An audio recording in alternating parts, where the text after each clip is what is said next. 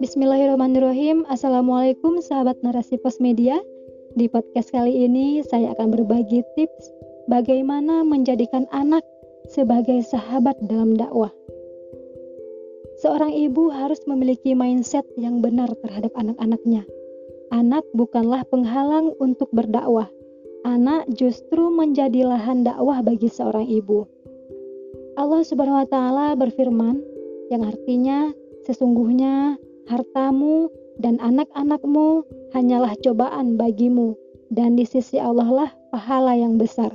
Quran Surat At-Takabun ayat 15 Sahabat narasi pos media, anak adalah penyejuk mata bagi orang tuanya. Doa anak yang soleh senantiasa diharapkan. Namun, anak juga sebagai cobaan bagi kedua orang tuanya yang di sana banyak pahala dari Allah Subhanahu wa taala. Dengan adanya anak, orang tua tetap harus melaksanakan segala kewajibannya. Salah satu kewajiban adalah kewajiban berdakwah. Karena wajib, maka aktivitas dakwah tidak boleh ditinggalkan. Apa pun keadaannya, di mana pun tempatnya, baik yang belum berkeluarga maupun yang sudah berkeluarga, baik yang belum memiliki anak maupun yang sudah memiliki anak. Anak adalah sahabat dalam menjalani setiap kewajiban, termasuk kewajiban berdakwah. Nah, ada beberapa tips yang dapat dilaksanakan untuk menjadikan anak sebagai sahabat dalam dakwah. Yang pertama, seorang ibu terlebih dahulu memahami kewajiban berdakwah, apa pun kondisinya. Ibu menjadikan anak sebagai sahabat dalam dakwah dan pendukung ibu dalam berdakwah.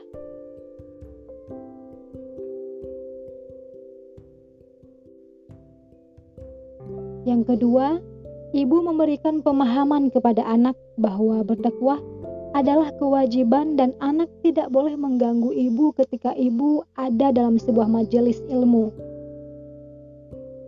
Yang ketiga, bekerja sama dengan pasangan untuk saling mendukung dalam dakwah suami dapat menjaga anak balita saat ibu harus bertakwa. Tentunya dengan tidak mengganggu jadwal kerja dan jadwal dakwah suami. Yang keempat, jika pun mengajak anak, bawakan anak mainan dan bekalnya atau buat hal yang dapat menyenangkan anak sehingga anak tidak mengganggu ibu. Yang kelima, tanamkan pada diri anak agar anak tenang ketika mengikuti agenda ibu dengan cara melibatkan anak dalam kegiatan dakwah.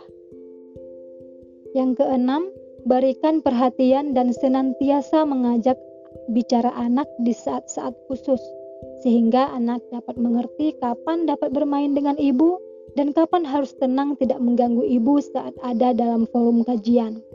Dan tips yang terakhir, senantiasa berdoa kepada Allah Subhanahu wa taala sebagai pemilik amanah Semoga Allah Subhanahu wa taala memberikan kemudahan ibu dalam mendidik dan menjadikan anak sebagai sahabat dalam berdakwah. Demikian beberapa tips untuk menjadikan anak sebagai sahabat dalam dakwah. Semoga Allah Subhanahu wa taala senantiasa membimbing anak-anak kita untuk dapat menjadi sahabat dalam berdakwah bagi orang tuanya.